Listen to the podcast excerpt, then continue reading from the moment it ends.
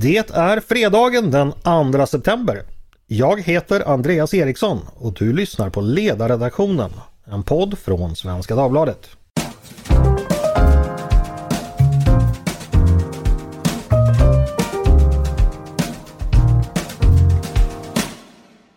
Varmt välkomna till oss så här bara nio dagar före riksdagsvalet.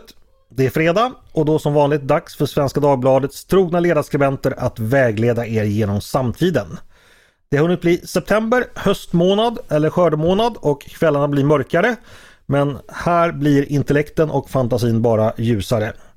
Med mig eh, för att hjälpa oss idag har jag trenne stabila båk i samtidens myllrande farled. Nämligen Peter Wennblad, Maria Ludvigsson och Mattias Svensson. Varmt välkomna alla tre! Hej! Tack för det! Peter, eh, jag har räknat ut att du fick rösta första gången 1998. Det här blir alltså ditt sjunde riksdagsval. Mm. Hur, hur, hur, hur, känns det? Eh, är det liksom sjunde gången gilt nu eller? Alltså, jag röstade faktiskt första gången, nu ska jag se, när var EU-valet? 1994. 94. Ja, Nej, sen... du tänker på det första, ja, 1995, det första ja. EU-parlamentsvalet. Precis, då, då fick jag rösta första gången. Eh, ja, men alltså jag tycker, jag har ju redan röstat faktiskt. Så att du har det? Mig, ja, så att för mig mm. är det... Frågan över. Jag, ty jag tycker ju om att göra lite högtidsdag av en valdag. Ja. Och gå i, jag har en väldigt fin vallokal i ett det är församlingshuset till... Ja, jag tänkte vis, det, det är en gammal medeltida kyrka. Liksom, ja, Visby domkyrkoförsamling. Så det brukar vara ganska högtidligt faktiskt. Men eh, jag är inte på Gotland på valdagen. Så att, jag måste ju arbeta så, Men det är inte fullt lika högtidligt i de här de där mer tillfälliga vallokalerna? Nej, det var inte riktigt lika glamoröst i Almedalsbiblioteket. Det var ganska rörigt och så, det var någon ja. småbarnsfamilj med skrikande oh. barn. Alltså det var inte alls uh, den där vördnaden som man vill ha. Nej. I Stockholm så ska vi, jag brukar vilja rösta i Stadshuset men numera så är det bara i ett tält utanför Stadshuset. Nej, usch det, är inte, det är inte heller glamoröst längre. Nej, men jag kan tänka den här röstningen i domkyrkoförsamlingen, alltså man skriver ner på runor då och karvar man in och så är det någon budkavle som löper iväg. Liksom, så ah, vilken miss Peter. Mm. Eh, ja, hon har ju redan presenterat sig själv själv, eh, Mia. Eh, ja. Maria Ludvigsson. Eh, man talar ju inte om en dams ålder så jag avslöjade inte när... Exakt, du, jag har ingen bakgrund. In, du har aldrig röstat. Får jag fråga dig, tänker du förtidsrösta eller hur tänker du? Ja, jag, jag tänker det. Eh, mest för att eh, inte glömma bort det. Och så skulle, man kan ju göra det lite festligt då också, att man går ut och äter efteråt. Och sådär. Ja. Det är vår plan. Hörni, fråga, får man rösta berusad? Ja. Det får man va? Jag är det en moralisk man... eller juridisk fråga? Ja, nej, det är en juridisk fråga. Jag, jag tror att man jo, kan bli avvisad man. från vallokalen om man uppvisar tydliga tecken. Ja. Fast det är väl mer om man är störande, inte bara om man luktar champagne. Jag blev, jag blev inte avvisad i alla fall. nej, men då så. på Gotland får man. Ja, jag kom, ja, nej, jag kom på det i sista stund senast att jag faktiskt inte hade gått och röstat. Så då hade jag eh, smygsmakat lite på bubblet och tänkte hjälp. tänk om, jag, ja. tänk om de har blåstest. Tänk om det är ordningsvakter ja. där som brottar ja. ner dig. Ja, jag tänkte ja, den, också det, men jag vill den, inte säga det. Den farhågan hyser jag inte då. Nej. Dessvärre verkar det som att det är både den ena och andra som bör vara rädda för ordningsvakter numera. Ja, och dessvärre verkar ju en hel del människor rösta berusade också med tanke på hur det brukar gå i valen också. Men... Mm. De svarar på Just det, det är inte en förmildrande omständighet.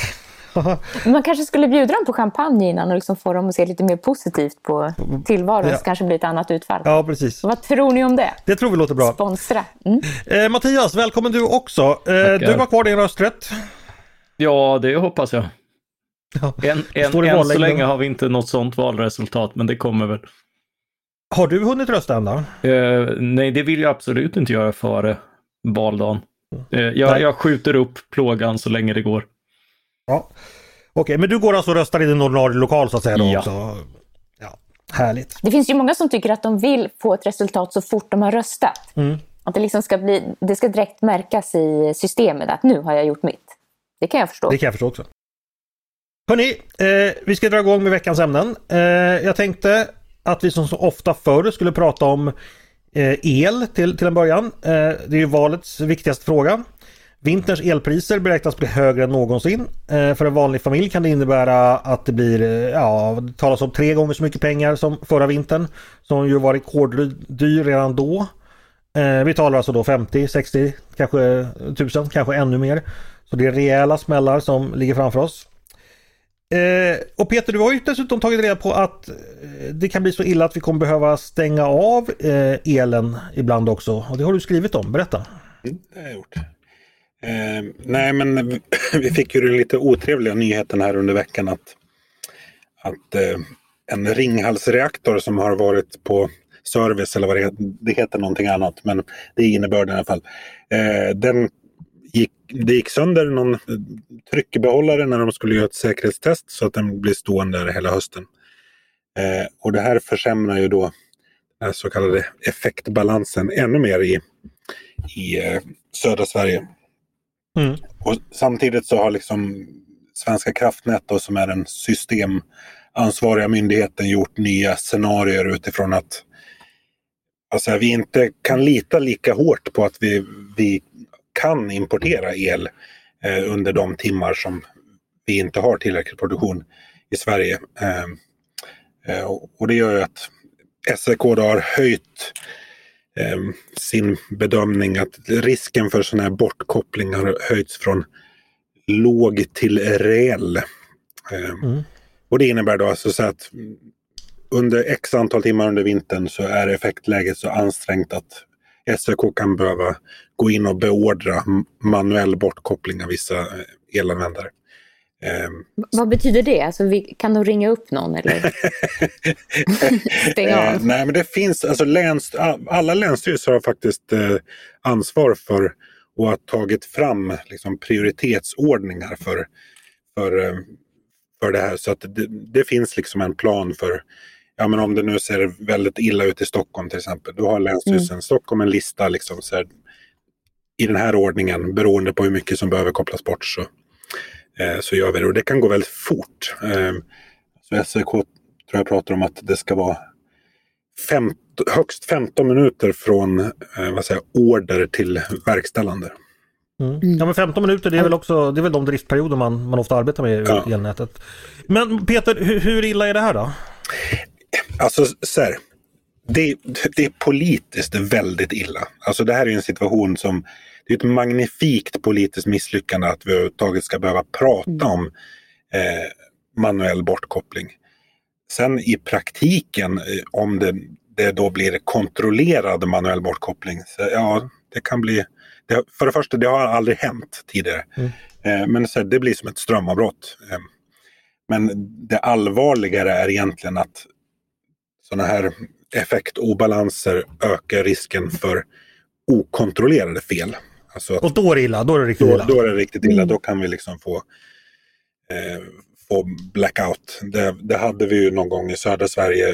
På grund av, det var inte av effektobalans utan andra tekniska fel. Det var väl i början av 2000-talet. Eh, någon gång. Alltså dels kan den typen av strömavbrott bli ganska långvariga eh, och väldigt svåra att eh, åtgärda. Det är svårt att återstarta systemet. Mm. Och då, när det, då går ju även då givetvis industri och samhällsviktig eh, verksamhet drabbas ju också då. För att jag, jag tänker mig att när man kopplar bort så här, när man bestämmer vad som ska kopplas bort. Ett hushåll kan ju kanske klara sig utan någon timme sådär. Ja, man. precis. Det är ju, det men, men stoppas produktionen i pappersbruk då kan det ta en jäkla tid att ja. få igång det. Men just pappersbruken, om vi hamnar i ett sånt här läge då tror jag pappersbruken redan har har eh, vad säger, stängt frivilligt för att ja. priserna är för höga för att ha verksamheten igång. Jo, jo men, jag tänker ändå liksom, det, det, finns ju viss svensk basindustri som går hela tiden så att säga. Liksom. Ja. Eh, som behöver göra det också. Eh, sen antar jag då givetvis att riktigt samhällskritisk verksamhet som sjukhus och där, de har väl mm. generatorer och sånt där som, som beredskapssystem. De, har de, de har båda reservaggregat och det är de som vad ska säga, kommer ja, beroende på sist eller först på den här prioritetslistan beroende på vilket mm. håll man tittar från. Mm. Uh, Okej. Okay. Eh, jag tänker så här att uh, ja, ett politiskt misslyckande så det är ju förstås en uh, politisk fråga av hög valör. Det är ju det är därför det pratas så mycket om det i valrörelsen. Peter, jag såg att regeringen var ute igår och pratade, eller i morse var det väl, och pratade om att man ville förändra politiken inom EU. Har du koll på det, vad det egentligen man föreslår där och vad hoppas man få ut av det? Ja, det, regeringen är ju väldigt skicklig på att Eh, presentera gamla nyheter som nya. Och, ja, i fällan. Och, och andras förslag som sina egna utan att bli alltför tekniska, det här, är, det här gick ju EU-kommissionen och Ursula von der Leyen ut med för flera dagar sedan. Alltså att man tittar på möjlighet att säga, frikoppla gaspriset från elpriset. Eh, det här är ganska komplicerat så det kanske vi inte kommer behöva fördjupa oss i. Men det, det här har ju då, och det här pratade till och med eh, Farmanbar och Damberg om på sin presskonferens för två dagar sedan. Och så helt plötsligt idag så hoppade man upp som gubben och lådan och liksom låtsades att det här var ett, ett svenskt förslag som skulle drivas på, på EU-nivå. Men det är eh, faktiskt bullshit. Ja, men kommer det hjälpa då? Finns, finns det potential att lösa någonting med det här? Ja, men det, jag är inte någon expert på vad ska säga, elmarknadsmodeller. Men alltså den här marginalprissättningen som det heter, det vill säga att den dyraste kilowatten sätter priset på, på all el i systemet. Den får ju lite bizarra konsekvenser när liksom ett kraftslag, det vill säga när fossilgasen är så mycket dyrare än alla andra eh, kraftslag. Så att eh, jo, jag tycker någonting behöver göras här. Mm. Mattias, eh, det är väl uppenbart att Socialdemokraterna är fullt begripligt mycket oroade över den här frågan och hur, vilken påverkan det har på hur folk röstar. Är det här någonting som du tror kommer att avgöra, eller kan, skulle kunna avgöra valet? Ja, det är ju uppenbart något eh, folk eh, pratar om och det är ju intressant att se partiets krishantering för närvarande. Det, eh, det, det kom ju bara idag ett kostligt citat från Expressen om hur hur man nu försöker skylla. Magdalena Andersson gick ut väldigt hårt mot kärnkraft i sitt installationstal i november förra året bara. Mm. Eh, och mm. nu beskriver man det från socialdemokratiskt håll som en miss av talskrivare. Man försöker, man försöker alltså skylla det på, på en stackars talskrivare och, eh, och får ju därmed sin eh, partiledare som man bara häromveckan ville framhålla som en presidentkandidat att verka ännu mer inkompetent än hon möjligen hade kunnat verka annars. Så, så där... We want names! Vilken talskrivare, det måste vi... alltså, det, det, finns, det, det, finns många sådana här underhuggare nu som man liksom skulle vilja samla till en gruppintervju. Den här talskrivaren, den här eh, sverigedemokratiska tjänstemannen med polskt ursprung som bjöd in till fika. Precis, de borde kanske skapa någon gemensam terapigrupp där de sitter, anonyma underhuggare som sitter ja, de, de kan ta en kardemumma-längd ihop. Men, Eller ett eget fackförbund. Ja, precis. Eh, men Mia, vad säger du om det här med, med mm. elkrisen? Eh, tror du människor är, är, är eh, oroade? Eller det, det, det, ska de väl vara helt ja. enkelt? Ja, det vet jag att de är. Ja. Det, tycker jag, det behöver man inte ens vara politiskt orienterad för att notera. Utan det är även i sällskapsliv och när man pratar med andra så är det ett bekymmer. Och det är många också. Jag har, jag har ju bott i Norge en period och har goda vänner där. och nu är inte de i samma situation riktigt, men de minns ju 70-talet hur det var när det verkligen var de hade det ganska knapert där. Min bästa väninnas pappa han var ute i Mjösa och fiskade. Inte för att de skulle svälta annars, men det var ett sätt att få alltså, dryga ut maten. Jag kan också notera att de aldrig har smör på brödskiva. Utan de, liksom, de var uppvuxna, uppväxta på ett annat klimat. När det var liksom mm, innan oljan. Ja, exakt. Och de kan ju allting om detta om hur kallt det kan bli inomhus. Alltså hur man gör och hur man eldar på hur man klär sig. Man måste alltid ha yle underst och sånt där. Mm. Och det tänkte jag att det där, jag kan få anledning att be dem om råd under vintern. Paulina Neuding, vår kollega, hon avslöjade igår i podden att uh, hon har börjat undersöka möjligheten att köpa nattmössor till familjen. Uh, och det är ju ett bruk som ligger långt tillbaka i tiden men det kanske jag ser framför mig Muminpappa eller någon sån där kanske som hade, han brukar väl ha nattmössor.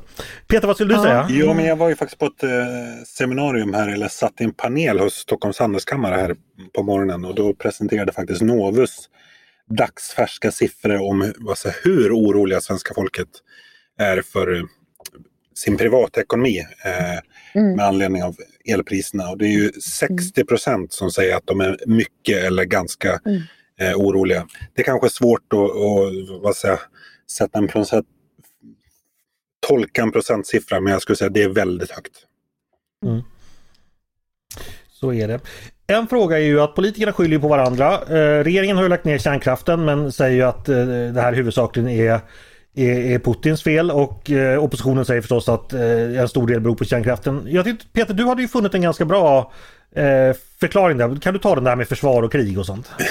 jo, men det är klart att eh, vad säger, Ryssland och Putin har startat ett energikrig mot Europa. Men krig förlorar man ju bara om man inte har ett eget försvar. Mm. Eh, och Sverige har ju de facto avvecklat en stor del av sitt liksom, kärnkraftsbaserade eh, försvar. Hade vi haft det kvar då hade vi liksom motat mm. de ryska trupperna eh, vid gränsen. Men nu, mm. nu är de uppe i Svealand istället. Då hade vi varit mm. laddade. Mm. Nu står de i baggenstäket igen. Eh, ja men mm. faktum är att jag kan rekommendera, jag läste precis en Twittertråd av en eh, forskare som heter Henrik Wachtmeister. Som, där har man då eh, som visar att man har modellerat... De har varit med i podden för övrigt. Ja det har de varit ja. Mm. Eh, man, Känd från podden. Man har ju modellerat då eh, hur priserna skulle ha sett ut, eh, inte i år då utan hösten 2021 då. Om Ringhals hade varit med då och så hade man då också om det hade varit krig eller inte krig.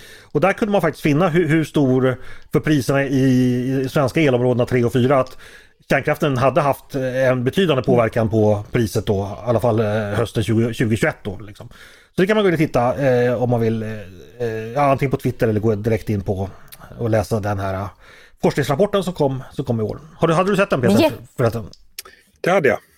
Ja, eh, och vi kommer, även, vi kommer även att citera Henrik eh, på morgondagens eh, ledarsida. Mm. Vad bra. Man kan ju fundera på om det vore en folkomröstning om atomkraft, nej tack, eller eh, kärnkraft nu, hur det mm. skulle se ut. Det skulle vara intressant. Jag skulle vilja lägga, lägga till en sak. Jag tror, en, alltså jag tror att Socialdemokraterna nu är extremt eh, nerviga för vad det här betyder för valresultatet. Men eh, de har ju ändå tur med tajmingen. Alltså om valdagen skulle ha varit i november när vi liksom hade haft mm. två, tre riktigt feta eh, fakturer så tror jag att stämningen eh, hade varit eh, Är det inte typiskt? Social, Socialdemokraterna har alltid tur mm. med saker och ting. Ja, de har ju en till räntehöjning från Riksbanken alldeles efter valet också. Det har de tur kanske att de slipper den.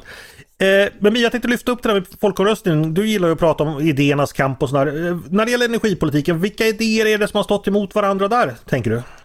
Jo, men en, den tydliga är just där att man hade tankeförbud om ett, ett visst energislag. Mm. Där, det, liksom, det är den totalitära staten, det här med att man kan med politikens makt så kan man styra människor mot att tänka på ett visst sätt och att man ska också man ska kunna styra vilka nya energislag som ska uppfinnas. Och, och det, det är liksom yttervänsterns tanke om att med politikens kraft så kan man få precis, förmå precis vad som helst. Mm. Medan den liberala synen är då att vi kan, politiken kan inte beställa fram idéer utan det är friheten som de uppstår. Mm. Tankeförbud det är ju faktiskt en, en ganska drakonisk lagstiftning. Det mm. leder ju tankarna... Och det är många som inte trodde att den fanns. Alltså, när man pratar om den idag så där, så vad då menar du att man inte fick forska i detta? Ja, det är mycket bisarrt alltså. Det leder ju mm. tankarna till de här totalitära samhällena i, böcker. Jag tänker Mattias, vad, mm. vad, är det för dag idag? Det är andra september. Tänker Fredag. du på ett speciellt litterärt verk som påbörjades ja. denna dag?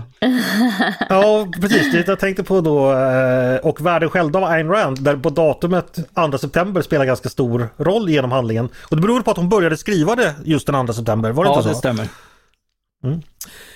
Eh, var det det första hon skrev? Nej, Atlas Shrugged var ju det sista skönlitterära hon skrev. Där avslöjar man sig. Ja. Får jag fortfarande vara eran vän? Det får du verkligen vara, men du kommer få... Eh, vi, vi ändrade julklappslistan till dig. ja, det är bra. Jag, måste, jag måste erkänna med att jag, jag har läst en, ett verk av In Random, jag läste inte klart. Okej, vilket var det? Ja, gud, nu ska jag komma ihåg vad de heter. Eh, var de en arkitekt? Nej, det var om tåg. Ja, det var ja, Atlas Exakt, jag med. All, Atlas ja. jag med. Ja. det var med den tåg, har jag, exakt. Den har jag bearbetat översättningen av och publicerat. Så den, den, eh, ja, den är jag du. väl bekant med. Men jag, jag, har dock inte läst om den efter, efter publiceringen 2005 på hennes hundraårsdag. Ja, man ser, man kan vara nästan libertarian och även inte ha läst djupläst Ayn Rand. Det är ju 40-årsminne eller 40 av hennes död i år så då skulle man kanske... Dog hon inte 1982 ja. förresten? Ja, det eller stämmer. fel där. Ja, ja, ja hörni, eh, vi får lämna Rand och tågen eh, åt sitt öde så länge. Vi ska fortsätta prata el och då tänkte jag vända mig till eh, Mattias. För att du har också eh, skrivit på temat eh, Ja, idag är det väl du skriver om det här med Eller är det idag? Jo då. Ja, eh, om företag som har fått eh, skatterabatter för att etablera sig och driva elintensiv verksamhet. Berätta! Eh, jo, men det är ju eh, regeringen kom på här och, och, här är båda skyldiga för det började, eh, började redan eh, under Annie Lööfs tid som, som näringsminister i den borgerliga regeringen att man tyckte att det var fräckt att få hit eh, amerikanska nätjättar och att de etablerar sig här. Så man gav det eh, oerhört stödbehövande eh, företaget Facebook en, 140 miljoner av skattebetalarnas pengar för att, för att etablera sig i Luleå. Och, och det man har mm. velat locka till sig från de här amerikanska storföretagen är eh, serverhallar. Mm. För det var ju, då har, man, då har man slagit sina kloka regeringshuvuden ihop och tänkt och det är ju så här när politiker ska tänka, liksom, att då, då vill man plocka ut vilka är framtidsbranscherna, vilka är framtidsföretagen. Mm. Och när man tittade för, för lite knappt tio år sedan så, så var ju det här det. Och, och Sverige var ett land som kunde locka med ett, ett svalt klimat och med med politisk stabilitet och inte minst pålitlig tillgång till eh, fossilfri och pålitlig och billig el. Eh, och vad passar då bättre än att, än, än att erbjuda eh, skatterabatt till mm. jättestora företag. Så, så man skrev ner eh, de energiskatter som vanliga hushåll och vanliga företag svettas över. De skrev man av till 98 procent för de här eh, storföretagen. Men var, var, var, det bara för att man tyckte det var coolt eller det, det var, tanken var väl att det skulle bidra till tillväxt och arbetstillfällen också? Ja, vilket, lite... vilket ju ekonomer redan tidigare med väldigt många exempel visat att, eh, att det här funkar inte för att få, eh, få jobb och ekonomi. Men det fanns en massa konsultprodukter som på, eh, påvisade motsatsen. och och förespeglade att nu skulle, eh, nu skulle det skapas 30 000 nya jobb. Jag tror att när Aftonbladet undersökte det här, här, här om året så var det var det 46 hos Facebook till exempel. Så det är ju inte, det är inte riktigt Ja, konsulterna har ju också fått jobb och det har väl också gått på någon offentlig nota. Men, men, okay. eh, men, men så värst många nya jobb skapar det ju inte. Nej men det fattar jag också att en serverhall det är väl på sin höjd någon vaktmästare som går och skramlar med nycklarna och byter ja, det, kontakter. Det är byggandet och sen är det, eh, ja. sen, sen är det specialister som företagen inte sällan flyger in för Uh, Okej, okay, men precis. För, för, nu ska jag komma till poängen. Mm. Någonting verkligt arbetsintensivt som vi borde importera och ge skattelättnad till. Det är de här trollfarm eller trollfabrikerna som finns i Polen tydligen. Alltså tänk er, vi har ju massa med arbetslöst folk, exempelvis i Norrlands inland, som skulle drömma om att sitta på nätet. De gör det kanske redan idag. Och, ja, men vi, har, vi, vi får inte betalt för det. Ja, så varför inte importera den typen av verksamhet och, och liksom trollfarma sig hit eller dit liksom. Det, Mattias, skulle inte det vara sund nationalekonomi? Ja, om man, eh, om man hört med SD så har de redan börjat med exempel i, i viss skala och, eh, ja. och, och jag menar i den moderata riksdagsgruppen finns, finns ju enskilda entreprenörer på detta tema men eh, Eh, men men jag, är, jag är inte säker på att det är, det är, nästa stora industri. Men problemen är ju då dels liksom att de här näringspolitiska förutsättningarna finns inte. Om man har försökt efter ett tag insåg man det, det, det improduktiva i att bara plocka ut storföretag. Så då har man försökt bredda det här stödet men det har bara fått till konsekvens att att liksom man har fått ändra regler fram och tillbaka. Hur ska man ta alla de företag som delar på serverkapacitet och, och köper in den tjänsten? Vem är det då som ska få skatterabatten och sådär? Så det är en stackars konsult i den, eh, i den rapport, eller en stackars företagare i den rapport som nu kommit som eh, eh som, som liksom är, är förtvivlad och säger försök, försöka få tillbaka pengarna på energiskatten är så svårt att man måste ge bort hälften till konsulter. eh, Peter, den här typen av eh, missriktad näringspolitik, eh, hur illa är det? Jag, jag är väl avtrubbad. Alltså, det är klart att det är illa men det, det är inte, det är inte så ovanligt. Nej, det är inte unikt. Nej. Men, men det blir ju, men det, det unika är ju lite grann att utöver det här näringspolitiska och att det inte levererat så, så har man alltså valt att satsa på att locka hit väldigt elslukande verksamheter till, och inte bara till Norrland, utan väldigt mycket ligger i områden med brist på el. Mm. Ja. Men finns det inte någonting i det här ändå, vi säger att, att, att politikerna så gärna vill ha någonting som var ball, mm. att det var något väldigt fascinerande.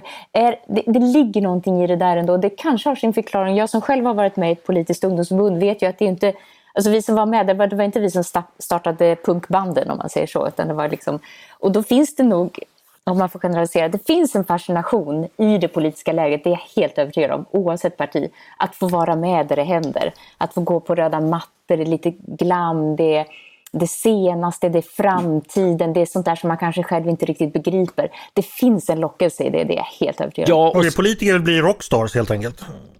De blir i alla fall starstruck av Rockstars. Ja, det, det sjukaste i den var ju när Leif Pagrotsky köpte ett ja, pris på, på bara för att gå på eh, musikgalan. Ja. ja. jag tänkte på honom faktiskt. Jag såg honom framför mig. Ain't no rockstar. Mm. Peter? Eh, ja, vad var frågan nu? om, om de var... Nej, nej, lät... Har du spelat i ett punkband? Nej, men Pe det vet vi nu. Peter är jättetöntig. Det har ju folk på arbetets, eh, eller vad heter de, kultursida sagt. Att han, inte, ja, då är det så. han har ingen koll på någonting. Nej. Jag har faktiskt en gammal muffkompis som ja. jag får eh, berätta om mig själv. Ja. Som när vi presenterade varandra, hur känner ni varandra? Så sa vi alltid att vi startade ett punkband ihop för att det skulle låta ballare än att vi träffades i muff. Ja. Ni kan förlåta mig för det. Ja, okay. ja, nej, jag tyckte bara Peter, det lät som du ville hoppa in, men du kanske inte... Det kanske var en Jag tyckte mina kollegor sa allt jag hade sagt. Och här kommer producenten innan reklamavbrottet för att dementera sina kollegors antydningar om att det här med muff och punkband skulle vara en omöjlighet. Jag, jag träffade ju ingen i muff, för jag var ensam muffare i Gällivare under den perioden. Men jag var åtminstone med i muff och ett punkband samtidigt. Men det var bra. Eh, vi går vidare. Eh, Mias tur att sitta i heta stolen. Eh, och då skulle vi prata Moderaterna, eh, som vi ju gillar att prata om. Du var med ja. i vår statliga konkurrent eh, Nordengren och Epstein här i veckan och Exakt. de eh, lät dig diagnostisera Moderaterna. Var, varför, ja, de har, en, varför det? de har en sån tradition att de bjuder in personer som anses stå, stå på partiets sida på något sätt och så ska man ge en diagnos. Mm. Eh, och jag skulle då, det gjorde jag för fyra år sedan också, skulle jag ge en diagnos först berätta om symptomen och sen en diagnos mm. om Moderaterna. Min, jag gav nog diagnosen samtidssjuka. Jag hade lite av annat. De hade problem med balansnerven också. Det här att orientera mellan den repressiva staten och den frihetliga. Att man liksom famlar lite där. Men min diagnos var nog samtidssjuka och den, eh, den visar sig genom att man är väldigt upptagen av det senaste slaget på Twitter. Mm. Att det, man förhåller sig till allting. Man är väldigt angelägen om att ge väljarna det de vill ha. Hela tiden plisa eh, sin publik på något sätt. Väldigt samtidsaktigt. Och så fick, fick de frågan, ja, jag tror det var Epstein som frågade vad ska man göra då? Vad ska de göra? Då sa jag bara läs Hayek. Mm. Och så blev det tyst. Och så kände jag att det här blev väldigt sådär töntigt. Ja, men då fick det vara just det. Jag tycker den... Det var, det var inte så punket med. Mm. Nej, det var exakt, du ser. Ja, men det är ju det. Thatcher tog ju Hayek och drämde i bordet ja, och sa this is what exakt. we believe in. Liksom. Det, Precis, ja. och då så sa de, eh, Epstein Norgren sa, men det är kanske inte så många som känner till honom. Nej, det är ju felet. Och då jag, och då, mm. Ja, och då sa jag, men då får de väl slå upp det på nätet då. Mm. Vem är Epstein och vem är Nordengren av de där två? Vem är, Exakt. vem är mannen? Lo Louise Epstein och... Ja, det är så. Okej. Det är hon som är kvinnan. Det är hon som är kvinnan i förhållandet. Alltså. Ja, eh. och de gör det ju väldigt trevligt tycker jag. Så ja. Det är väldigt sådär en, ett, en samtal de två emellan. Det är väldigt trevligt. Får jag fråga, finns det någon bot eller är det bara palliativ vård som återstår? Nej, det, jag, det, jag gav, det jag gav som tips var just att läsa Hayek. Och det jag menar med det är att återgå till idéerna. Ja. Att inte ständigt orientera efter vad vill folk ha, vad säger fokusgrupperna? Som, som gör att man blir lite ostadig sådär. Jo, jag skrev också att min idé var också att de har koncentrationssvårigheter att hålla sig till någonting. Och det är sånt som man också kan se bland småbarnsföräldrar. Och då tänkte jag, det, det är inte så förvånande, så eftersom de själva umgås nästan med småbarn eller det blir lite lekis eller förskolenivå ibland på den politiska debatten, mm. politiska diskussionen. Och därav då sin, deras koncentrationsförmåga att hålla fokus på det som ska vara, handla om rätt och fel och inte hela tiden efterfråga vad är det de vill ha. Men prognosen då eh, för patientens till, ja, tillfrisknande, finns det en sådan? Just det, det skulle jag också ge. Ja, jag, jag var hoppfull. Ja, men vad bra. Eh, Mattias, du gillar ju att leka doktor. Eh, om, om, du skulle göra, göra det med Moderaterna, eh, vad visar dina prover eh, av Moderaterna? Just nu? Eh, ja, det är, det är uppenbart liksom en, en, eh, en, en svårartad kränkthetskultur och avsaknad av impulskontroll som, som tagit över mycket av, av eh, partiets göranden och låtanden, inte minst i, i rättspolitiken som ju blivit en veritabel mm. popcornmaskin. Eh, men, ja. men jag skrev ju om det i veckan om, om liksom att borgerligheten har ju ändå väldigt tydliga eh, saker som skiljer ut dem från Alltså den, den här valrörelsen har ju blivit väldigt mycket ett, ett slag mellan vill du inte ha Sver Sverigedemokrater eller vill du inte ha socialdemokrater? Eh, och, mm. och det uppenbara svaret på det borde ju vara eh, en borgerlig regering. För den kan mm. betona andra saker än vad nationalister och socialister gör. Men det har man ju valt att, att tona ner så pass att man nästan glömt bort det. Att, att man varit en, en röst för allt ifrån liksom fiskalt sunt förnuft till, eh, till liksom förståelse för företagsamhet, till respekt för individens frihet och samarbete mellan, mellan, och värdegemenskap mellan västdemokratier. Och de aspekterna har ju hamnat lite grann i skymundan. Men, men där men, har Mattias, du min ordination. Ja, men Mattias, vi ska ju säga det också att eh, du och jag och Paulina har ju ägnat några dagar åt att läsa valmanifest och då fann ju du faktiskt att du tyckte att Moderaternas valmanifest eh, tillhörde mm. det, det, bästa faktiskt. Eh, mm.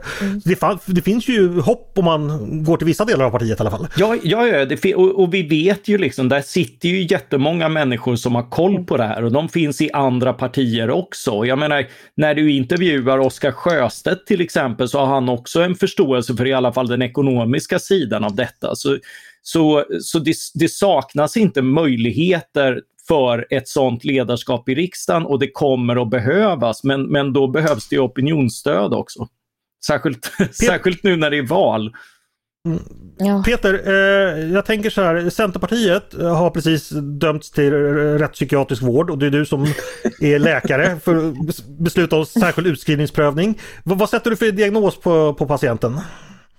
Eh, på Centerpartiet, ja. den, den eh, är ju ganska uppenbart. Det är en narcissistisk personlighetsstörning. Mm. ja, är, är den behandlingsbar? Eller måste eh. vi avskilja den från resten av samhället? ja, jag tror kanske att eh, med den nuvarande partiledningen så är den svårbehandlad. Mm. Nu, nu är vi elaka förstås, man ska, inte, man ska inte prata om psykisk sjukdom på det här, eller psykisk ohälsa på det här sättet. Så det ber vi lite ursäkt för. Men jag tänkte ändå, det, det, i att vi ändå pratar ohälsa i allmän, allmänna ordalag så tyckte jag det var, det var en rolig grej. Det, det, var, det där var en väldigt nutida ursäkt Andreas. Att du ja. bad inte, inte riktigt om ursäkt för att vi gjorde det utan för att de, de reaktioner som det kan... Precis. Ja, ja, alltså med, med, tanke, med tanke på rättspolitiken får man kanske ändå föreslå en ta på sig den vita handsken och föreslå en grundlig inomkroppslig undersökning. ja, du, hörni, nu, nu slutar vi. Eh, vi ska prata andra saker också. Vi ska prata eh, opinionsundersökningar faktiskt. Eh, det är ju som ni vet superjämnt verkligen mellan regeringsalternativen. Jag kollade Poll och Polls precis innan vi drog igång. Eh, och den var uppdaterad med dagens mätningar. Och då skiljer det 0,2 procent mellan eh, regeringsalternativen. Det innebär ett enda mandat. Men det är ju så att just opinionsundersökningar och hur de påverkar den politiska diskussionen och därmed också påverkar politiken och valresultatet är ju något som också engagerar. Det här med, det blir nästan någonting som ni vet det där inom fysiken att man eh, ja, när man mäter så går man in och påverkar samtidigt. Eh, ja, frågan är helt enkelt Peter, du, jag vet att du har eh, intresserat för det här. Låter vi opinionsmätningar ta för stor plats? Eller lå, eh, lå, låter partierna det ta för stor plats? Eller är vi i medias fel? Eller vad, vad, Finns det ett problem här helt enkelt? Ja, jo, alltså det, fin det finns ett eh, problem. Eller jag tycker att det, liksom det kanske största problemet här har ju varit SVT och Novus eh, undersökningar. Alltså jag skrev en text förra veckan om att, eh, eller om det var ett par veckor sedan, om att regeringen borde skickas på utbildningen i naturvetenskap. Mm. Jag tror att en del med medieredaktioner också skulle behöva skickas på kurs i, i sannolikhetslära. Eh, alltså, ja. Man märker ju att, att eh, Alltså för någon som har ett hyggligt hum om statistik, så när det är väldigt snabba rörelser på kort tid, det är extremt osannolikt rent statistiskt. Ja. Eh, mm. och då måste man vara väldigt försiktig med att dra på det rent nyhetsmässigt. Eh, men det har ju inte SVT gjort utan hela det här narrativet om, om Moderaternas kräftgång i opinionen eh, absolut, det finns ett, ett visst stöd för det om man liksom lägger ihop alla eh, opinionsundersökningar men inte av den här, grad som SVT har eh, gjort det till. Och där man dessutom gör sig till liksom redskap mm. i lite interna maktkamper. Alltså SVT vet ju naturligtvis precis vilka de ska ringa inom Moderaterna om de vill ha eh, de här rösterna som eller vad säga, de här vill få lite slipade knivar i, i mm. Eh, nästkommande inslag. Ja, men jag förstår vad du menar. Det är helt enkelt inte så att en kvarts miljon människor byter inte från hem till, till Sverigedemokraterna en dag och byter tillbaka nästa dag. Det sker ju naturligtvis inte. Nej. Men ändå så blir det det Eh, ja, opinionsundersökningar visar ju inte verkligheten men de påstås ändå visa det. Och då skapar man så att säga en verklighet som aldrig finns. Eller vi kommer ju aldrig veta att, vad som egentligen hände i väljar för det har ju inte kontrollerats. Men det är som du säger extremt osannolikt att det skulle ske. Ja. Eh, Mia, vill du hänga på Peters ja. resonemang här? Eh. Ja, det, det, slår mig verkligen att hela det här förstärker ju det som många av oss tycker är problematiskt i politiken nu. Att det, det handlar om vad vi folk har. Mm. För frågorna blir ju också sen när de ringer upp olika partier och sådär. Ja, vad, vad, tror ni det här beror på? Ja, vi får ju kolla på det här och så får vi leverera en annan politik då. Se, liksom som att det blir som ett spel att man gör olika det verkar funka som att man gör olika utspel. Ja, nu ska vi, nu ska vi stänga in alla som överhuvudtaget eh, uttalar sig om eh, våld. Alltså, alltså extremt repressivt. Och så ser vi, vad blir reaktionen på det? Fick vi upp siffrorna eller inte? Och så funkar det ju inte. Alltså det, det kommer inte spela roll. Det, det, utspelen eh, har, har ingen större betydelse för hur folk i längden värderar.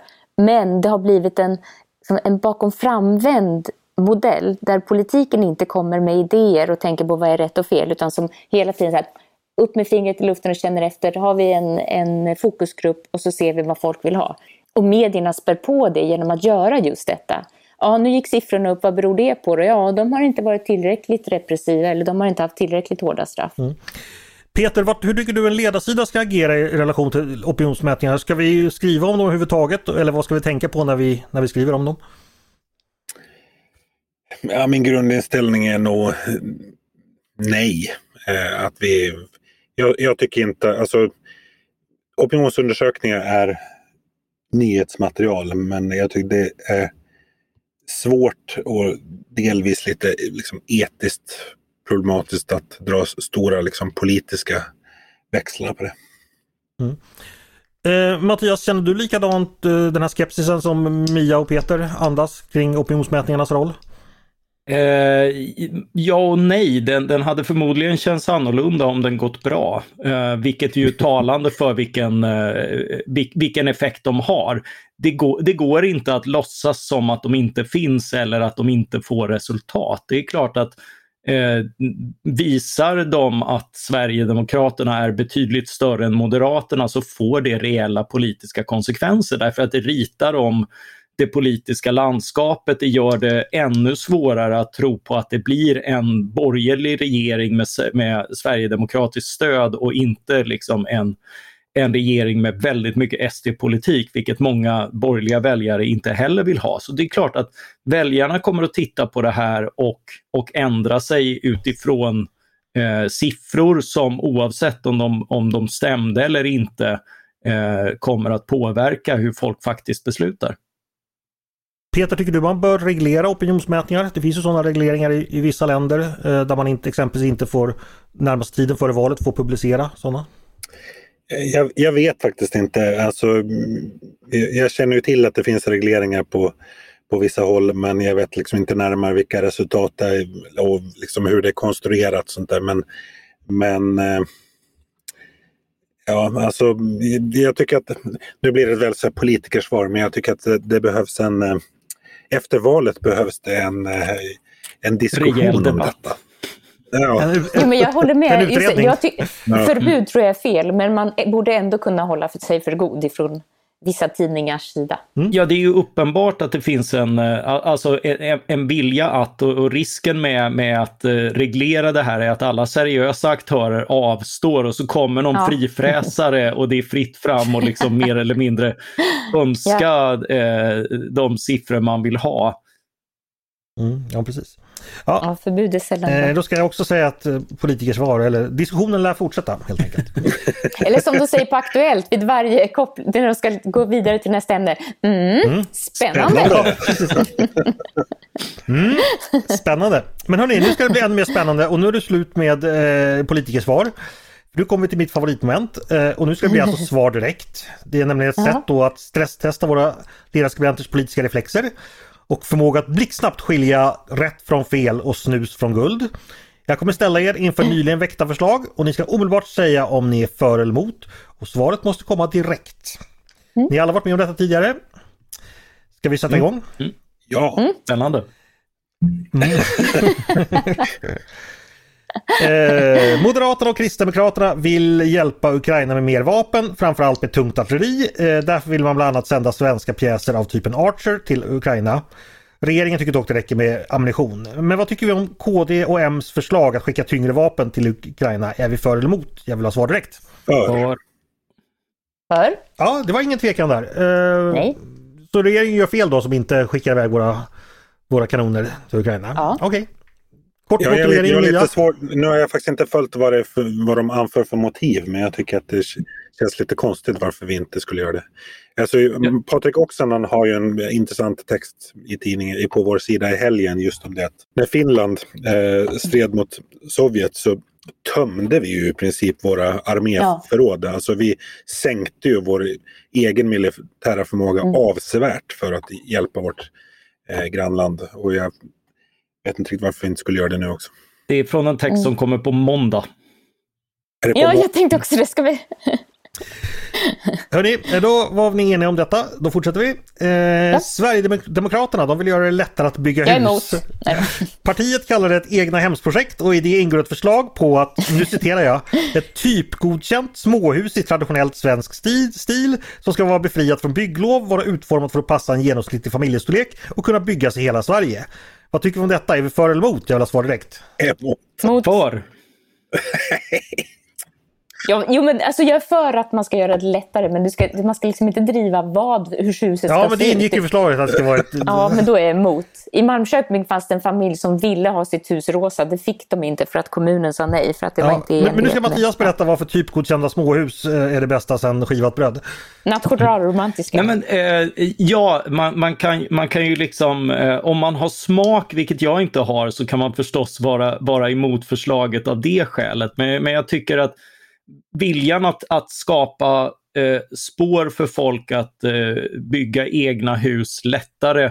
Eh, jag, är, jag är för allt som, eh, eller i stort sett allt som ökar liksom byggande och att folk kan bo som de vill. Mm. Och varför är du emot Peter? ja, ja, alltså här, nu hade man ju velat ha bildradio här. Eh, alltså det är i och för sig ett, liksom, ett fint typhus som Sverigedemokraterna själva har suttit och skissat på på riksdagskansliet. Men det är, liksom, det. det är liksom det som gör hela förslaget så bisarrt. Att det är liksom, det är Sverigedemokraterna tar fram någon liksom puttinutt arkitektur som man sen ska rulla ut över riket liksom, oavsett miljö. Eh, alltså det, här, det här huset, jag kan bara ta min egen livsmiljö liksom, på Gotland. Det hade ju blivit fullständigt bisarrt med den här typen av, av, av kåkar i villakvarteren. Men Peter, ifall de typhusen hade sett ut som Liljevalls tillbyggnad, hade du varit för förslaget då? Jag hade varit mer positiv. Jag hade varit beredd att tillsätta en utredning.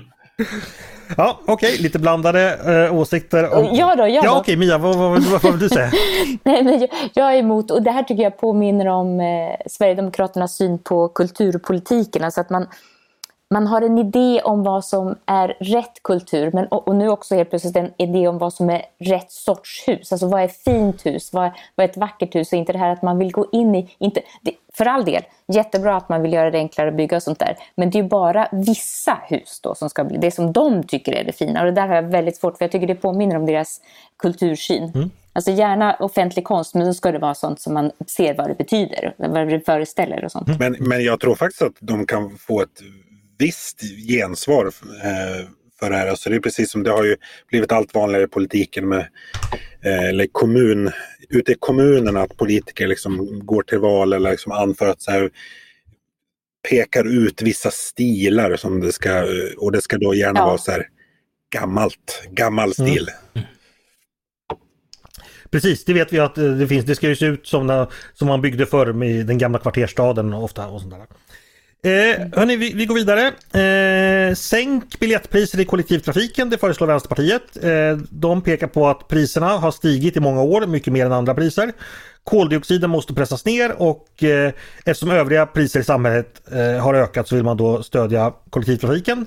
Genom att då staten ska gå in och finansiera hälften av de intäkter som biljetterna ger idag, så biljettpriset ska alltså halveras.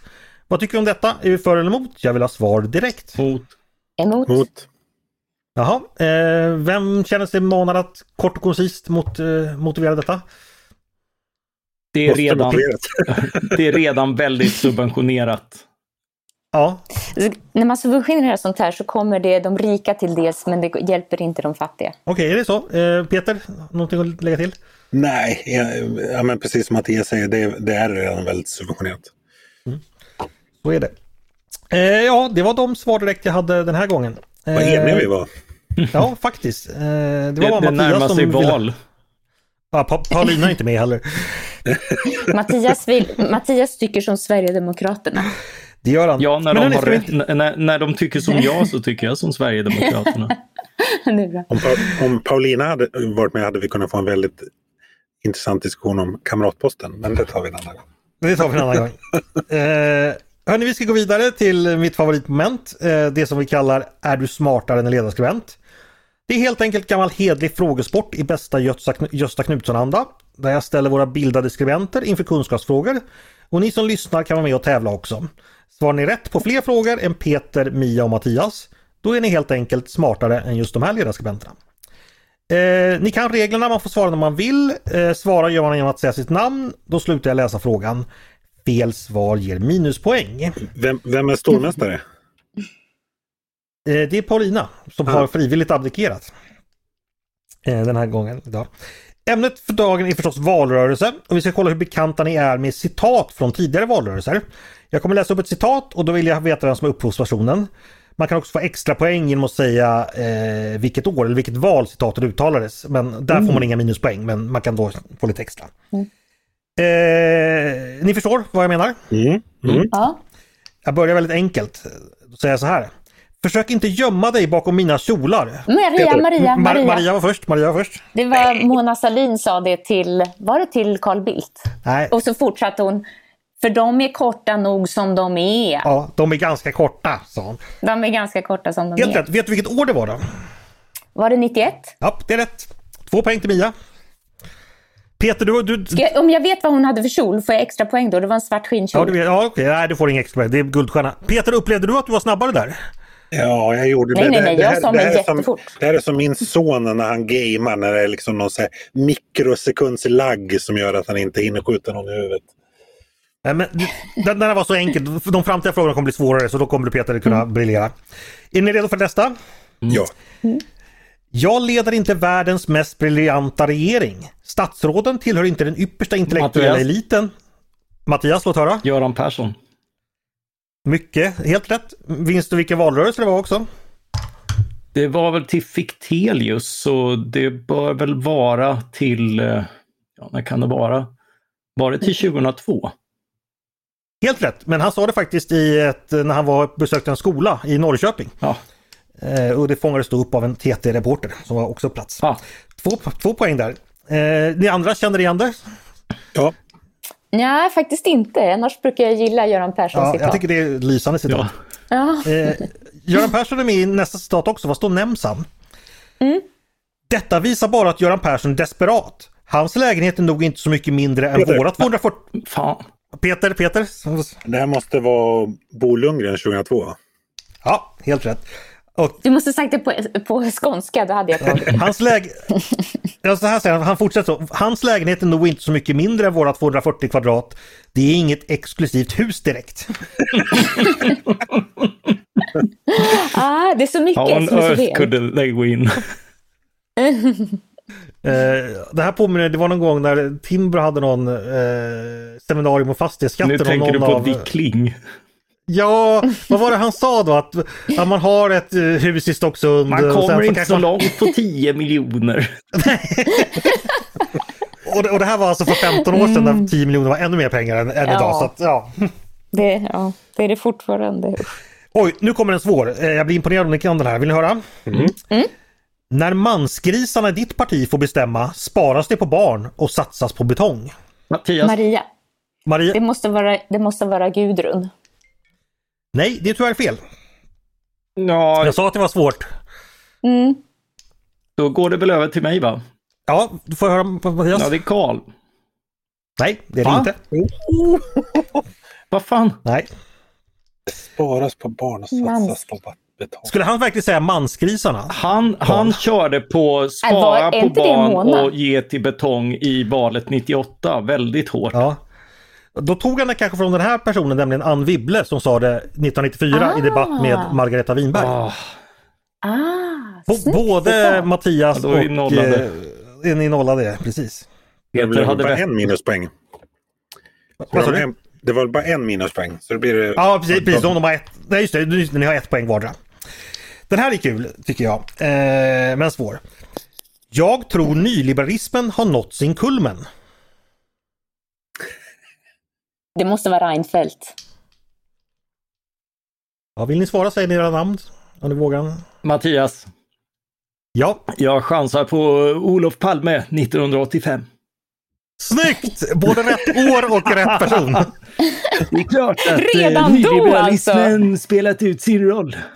Borgarna tror Redan att eh, då. det är detta folk vill ha i sina stugor, men så är det inte.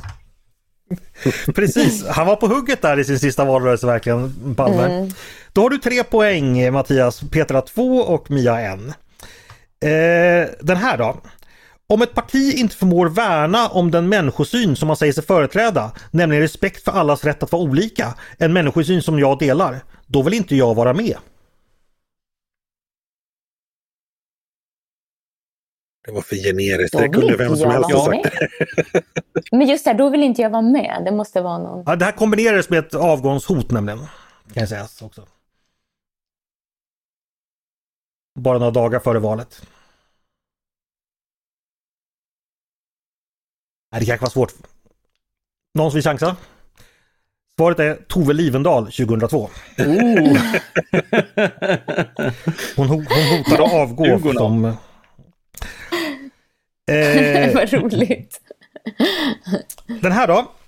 Eh, hade jag varit chef här så hade jag lagt ner P3 för länge sedan. Mattias. För jag tycker det är... Mattias? Det är Jimmy Åkesson. Det är Jimmie Ja, Åkesson. vilket år? Eh, Det var väl förra valet, ganska 2018? många. Snyggt Mattias, då går du upp på eh, fem poäng. Eh, den här då? Den här, den här är svår också. Eh, hela sommaren har vi längtat efter värme och sol. Jag tror det är samma sak med samhällsklimatet. Vi längtar efter omtanke och hänsyn. En människosyn där vi är mer rädda om varandra. Nu måste jag ju börja chansa här lite. Ja, Eh, så jag säger att det är Alf Svensson. helt rätt! Yes! Ah, Vi, vi, Feeling. vill du, vill, vilket, Ja, just det. Man, då får, riskerar jag ingen minuspoäng. Då, Nej, säger, nej. då säger jag... Eh,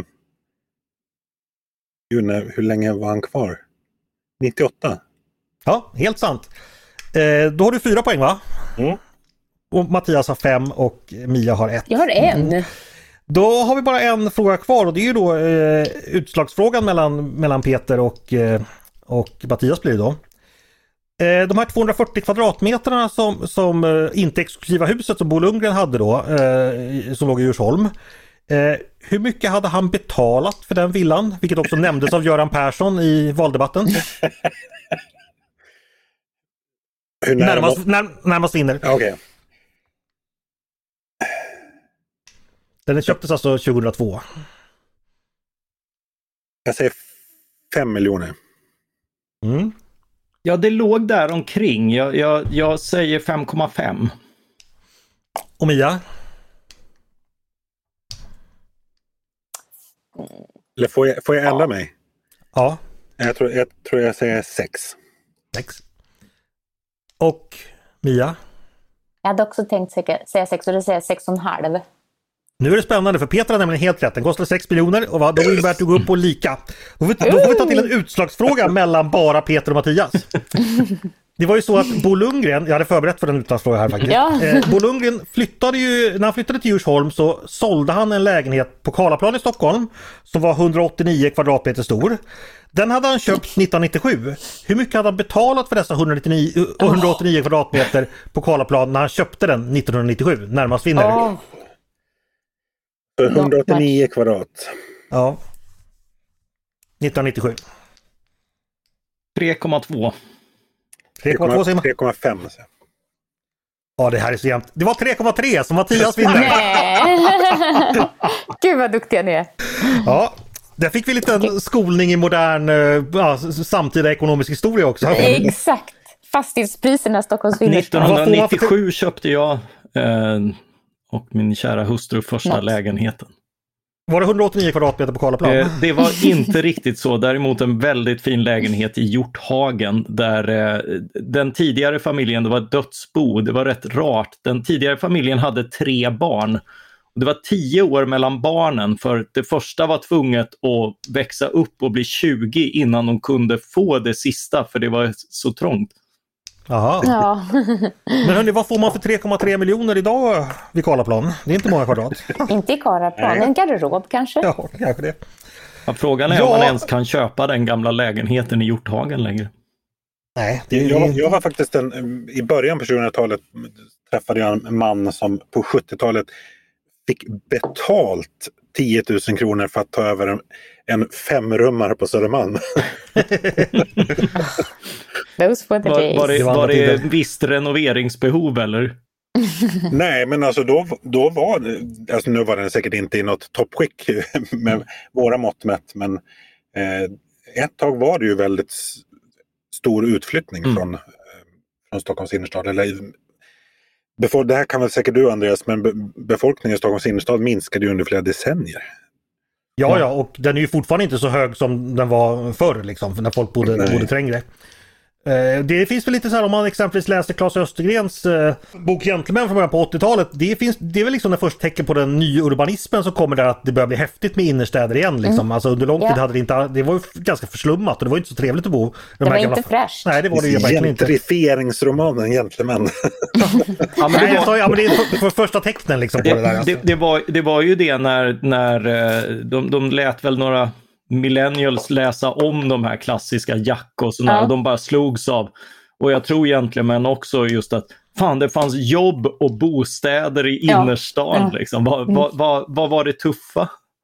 Det roliga är ju med Jack så är det faktiskt att han får ju ett, ett, kontrakt på en tvåa på Hornsgatan. Men han tycker det är så jobbigt att städa ur den. Så att han bestämmer sig för att inte flytta in. Just det, just det. det är rätt fantastiskt. Hörni, eh, sista punkten. Vi ska ta den här lilla trevliga rundfrågan då jag ställer en helt spontan fråga och ni svarar lika spontant och trevligt. Eh, veckans fråga är så här helt enkelt. Eh, vad ser ni fram emot under valrörelsens sista vecka? Om något som ni skulle vilja tipsa lyssnarna om? Eh, ska Mia börja? Oh, svårt. Jag tror inte jag ser fram emot något. Får man komma undan så lätt? Ja. Jag vill att det ska vara över och så vill vi veta hur det går. Okej, okay, men du kanske ska göra någonting annat som inte har med valrörelsen att göra som du kan tipsa om? Om, om, man, ja. just vill, om man vill slippa valrörelsen? Ja, att det kommer vara en sån här indiansommar så att det blir minst en vecka till när man kan gå ner och bada i Mälaren på Kungsholmen. Gud så härligt. Mm. Mattias då, vad vill du tipsa om? Eller vad ser du fram emot? Ja, men själva valdagen. Eh, mm. Jag menar, det, eh, politik är en, en speciell typ av konstverk. Det har sina, sina speciella, det tar inte nödvändigtvis fram det mest begåvade hos de som tävlar, men institutionen, att gå och rösta, eh, mm. att, att räkna ihop rösterna, processen med överlämnandet av makt, det ansvarstagande som, som utkrävs och inte sällan utspelas på, på kvällen där. Det, och, och eh, alltså också valvakorna som man inte sällan, ja. alltså eh, SVTs bevakning och sådär. Det finns ju gamla och, och, och, för de som har den typen av fetisch, vilket jag får erkänna att jag, jag har till viss del, så, så är det en rätt, en, en rätt fin övning eh, i, i liksom vad som vad som händer under valnatten och sådär. Eh, så, så, så, valdagen tycker jag är eh, en väldigt vacker institution. Mm. Peter? Sant. Eh, jag ser fram emot att sitta i TV4s valpanel på mm. valdagen. Eh, och så ser jag också fram emot den här, ja, men jag tycker också att valdagen är högtidlig. Det finns något med, alltså det, den här anspänningen inför klockslaget 20 som finns på, eh, den, den upplever man bara var fjärde ja. år. Och sen mm. den här sifferpornografin som sen tilltal. Alltså att val.se är ju en liksom fantastisk källa till ja, all möjlig information. Mm. Eh, jag ser också fram emot klockan åtta på söndag givetvis. Eh, mm. 8.01 när jag kan konstatera att jag har vunnit en flaska gin av dig Peter. Med tanke på att, med tanke på att valet kommer visa på att Liberalerna har en tryggt ja, avstånd till... Då säger, då säger jag så här att kom ihåg att Eh, förra valet så diffade ju Valu ganska rejält ja, från valresultatet. Ja. Vilket, eh, jag, jag kan vänta några timmar till på den här ginflaskan. Det, det gör du får ingenting. vänta tills de öppnar bolaget. Ja, precis. Hörni, eh, stort tack för att ni ville vara med i podden idag och prata om alla dessa roliga och intressanta saker. Det var jättetrevligt att ha er här. Mm, tack så mycket. Tack. Tack själv. Och tack till er som har lyssnat också på Ledarredaktionen, en podd från Svenska Dagbladet. Ni är varmt välkomna att höra av er till oss på redaktionen med tankar och synpunkter på det vi ska ha, precis har diskuterat. Eller om ni har idéer och förslag på saker vi borde ta upp i framtiden. Exempelvis, vad ska vi ägna den sista veckan fram till valet åt att avhandla? Bara att mejla till ledarsidan snabel svd.se. Dagens producent, han heter Jesper Sandström. Jag heter Andreas Eriksson och jag hoppas att vi hörs igen snart.